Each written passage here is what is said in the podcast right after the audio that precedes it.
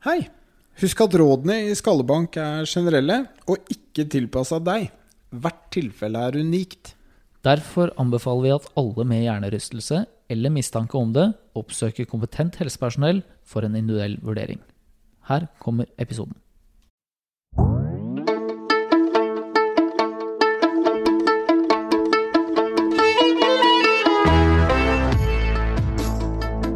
Hei og velkommen til Skallebank, podkasten om hjernerystelse. Mitt navn det er Lars Martin Fischer, og jeg er osteopat. Og sammen med meg så har jeg deg, Narve. Jeg heter Narve Bjørneseth, og jeg er også fysioterapeut.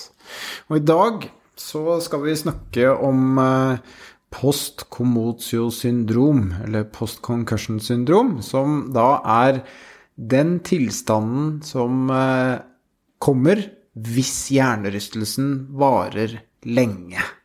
Ja, det kan jo være greit å starte litt med å definere hva, hva det er, da. Og, og, kanskje problemet er jo litt at vi vet ikke helt uh, hva det er, hva det kommer av. Det er litt ulike definisjoner ute og går. Men hvis vi ser på den internasjonale klassifiseringen på sykdommer, altså den såkalte ICD-10, så sier de at vedvarende plager etter hjernerystelse uh, mer enn fire uker, hvor man da har minst tre av de følgende symptomene. Det er hodepine, svimmelhet, fatigue eller økt tettbarhet, irritabilitet, søvnvansker, konsentrasjonsvansker, hukommelsesproblemer og også problemer med å takle stress, emosjoner og alkohol, faktisk. Hvis tre av disse, altså, da har du PCS. Eh, så har vi en annen eh, definisjon, og det er eh, noe som kalles Berlin-konsensus, som kommer fra en, en, gruppe som heter Concussion in Sports Group. De sier at PCS det er etter 14 dager med vedvarende plager. Men hos barn så er det etter fire uker, for der forventer man at barn trenger litt lengre tid for å komme over hjernerystelsen. Det som er viktig å forstå med post-commotio-syndrom, er at den sikre kunnskapen rundt hva som skjer og hvorfor det skjer, den er ikke der enda. Men vi har teorier, og de dreier seg om at sirkulasjonen, altså det å frakte næringsstoffer, oksygen, inn til hjernen, at det kan være påvirket. Det andre er at man lurer på om sensorikken eller sanseapparatet eh, og integreringen av det kan være påvirket. Det tredje er at vi tror det er en, eh, en mulig fysiologisk påvirkning, altså at eh, hormoner og, og det ikke-viljestyrte nervesystemet er påvirket. Og det tredje man lurer på, er om psykiske faktorer spiller en relativt stor rolle. Så hvis vi tar for oss sirkulasjonen, altså det å frakte disse næringsstoffene og oksygen som jeg snakket om, så vet vi jo det at rett etter en hjernerystelse så fungerer det annerledes. Hjernen har et eh, stort energibehov fordi den prøver å pumpe vekk eh, dårlige ting.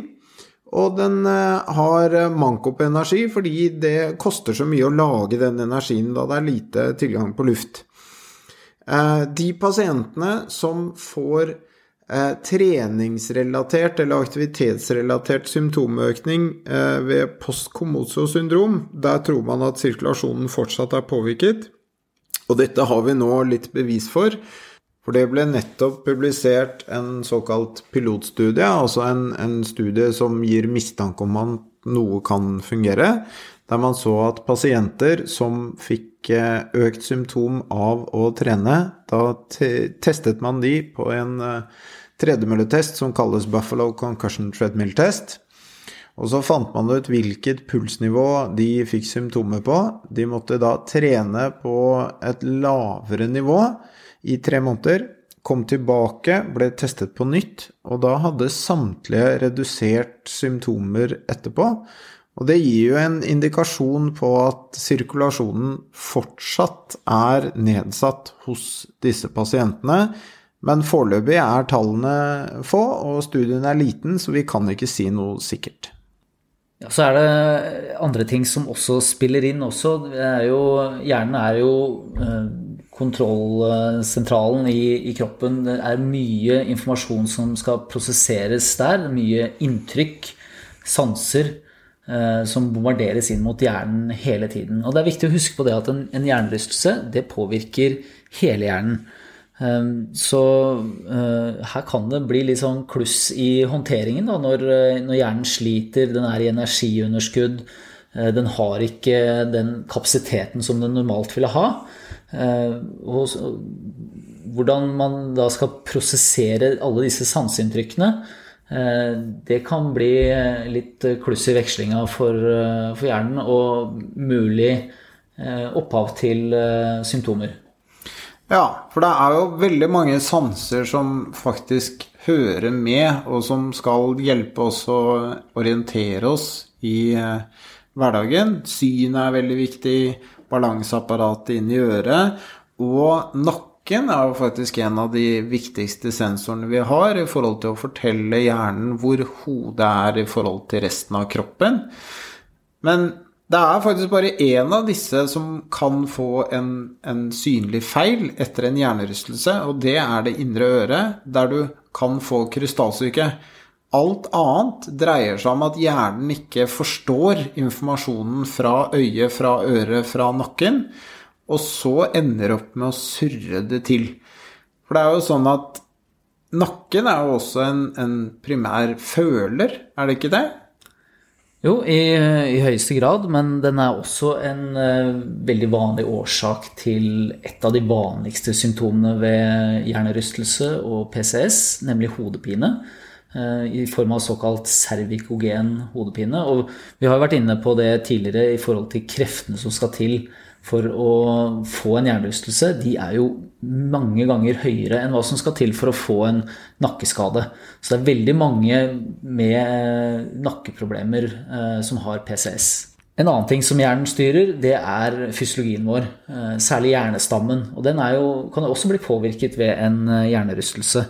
Så det man f.eks. har sett, er at de med eh, postkomotio-syndrom de kan få økt puls ved kognitive oppgaver i forhold til eh, de uten. Altså man har en, eh, en hjerterytmevariabilitet som endres. Eh, man har jo nedsatt sirkulasjon, har vi vært inne på. Man tror også at dette kan påvirke mage-tarmfunksjonen. Og en annen viktig oppgave for hjernen, det er å styre hormonene i kroppen. Eh, faktisk så er det sånn at eh, noen hormoner blir skilt ut av selve hjernen selv. Og den er eh, nært knyttet opp mot hypofysen, som er liksom kommandosenteret i det endokrine systemet, hormonsystemet. Og så er det jo dette med en teori rundt fysiologien er at vedvarende betennelse, eller inflammasjon, ser ut til å kunne gjøre at kroppslige symptomer, i hvert fall i dyreforsøk, varer lenger. Men det vi ikke vet, er jo om Vi vet at en hjernerystelse gir en, en betennelsesreaksjon, en inflammasjon, i hjernen i hvert fall i 48 timer, som ved en akutt skade alle andre steder.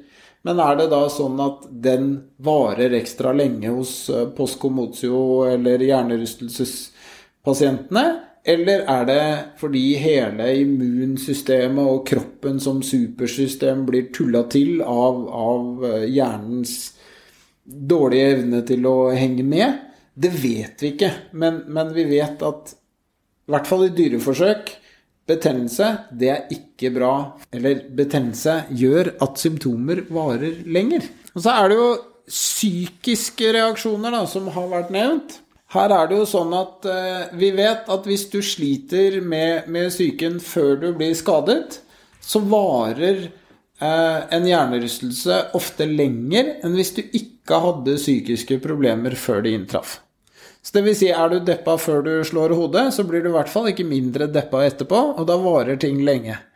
Men i noen tilfeller så blir man jo også følelsesmessig påvirket av hjernerystelsen i seg selv. Man kan bli irritabel, man kan bli lei seg, man kan bli veldig sensitiv for lyder og sanseinntrykk som gjør at man blir veldig oppfarende. Og der eh, vet vi jo ikke helt hva som er høna eller egget. Nei, men vi vet at uh, har du psykiske ting du sliter med, så har du økt risiko for å få PCS. Uh, eh, så, og det er jo også dette med disse symptomene som vi har, har, snakket om også, hvis du setter de bare opp på en liste, eh, dette beskriver en, en pasient, så, så, er det faktisk veldig stor overlapping mellom eh, postkomotiosyndrom, eh, whiplash-skade og depresjon. Så hva er hva? Er eh, vanskelig å si. Eh, og det er jo ikke sånn at vi bare er én ting. Vi er eh, Kropp og syke er i ett, ikke sant? Så det, det, det påvirker hverandre. En viktig del å, å, ta tak i her, som vi prøver nå, er jo dette her å formidle litt kunnskap om hva hjernerystelse er. For det som er kjent, eh, og som man bedre vet hva er, kan man håndtere på en tryggere måte. Eh, det som er ukjent, eh, er bedre egnet til å skape frykt og, i forhold til hva som skal skje eh, videre. Hva har dette å si for min overlevelse? Så det er jo mange ting som spiller inn her. Mange ting vi ikke helt vet, vet hva er, men det gir jo oss også mange muligheter å påvirke veien videre, påvirker symptomene. Eh, kanskje det er mange forskjellige måter å komme seg ut av eh, en PCS. Og sannsynligvis så må vi da ned på individnivå og tilpasse den enkelte. Det vil ikke være en enkelt eh, oppskrift som passer for alle. Nei. Og så er det veldig viktig å huske på at når man står midt oppi den suppa, og symptomene varer lenge, og man er sensitiv på sanseinntrykk og alt mulig, så betyr det faktisk at du er kjempegod på å overleve. For din hjerne og din kropp er laget for å overleve, og den husker bedre ting som er farlig, enn ting som er ufarlig. Og det kan også gjøre at, at enkelte skader varer lenger enn det de trenger, fordi kroppens sikkerhetsmekanismer har slått inn, og kanskje gått litt i stå, da. For det er ikke en ulv i rommet nå, men det kan hende vi oppfører oss som det er en ulv i rommet allikevel. Ja, better safe than sorry, tenker jo hjernen, ikke sant? Ja, og det er egentlig veldig, veldig bra. Det er derfor vi sitter her i dag, og ikke døde ut for flere hundre tusen år siden. Ja. I neste episode så skal vi endelig begynne å snakke om noe som jeg vet mange av dere er interessert i, og det er matens rolle i en eh, hjernerystelse. Og da har vi med oss eh, klinisk ernæringsfysiolog Malene Sørli. Så den episoden gleder vi oss veldig til. Vi høres. Vi høres. Ha det bra.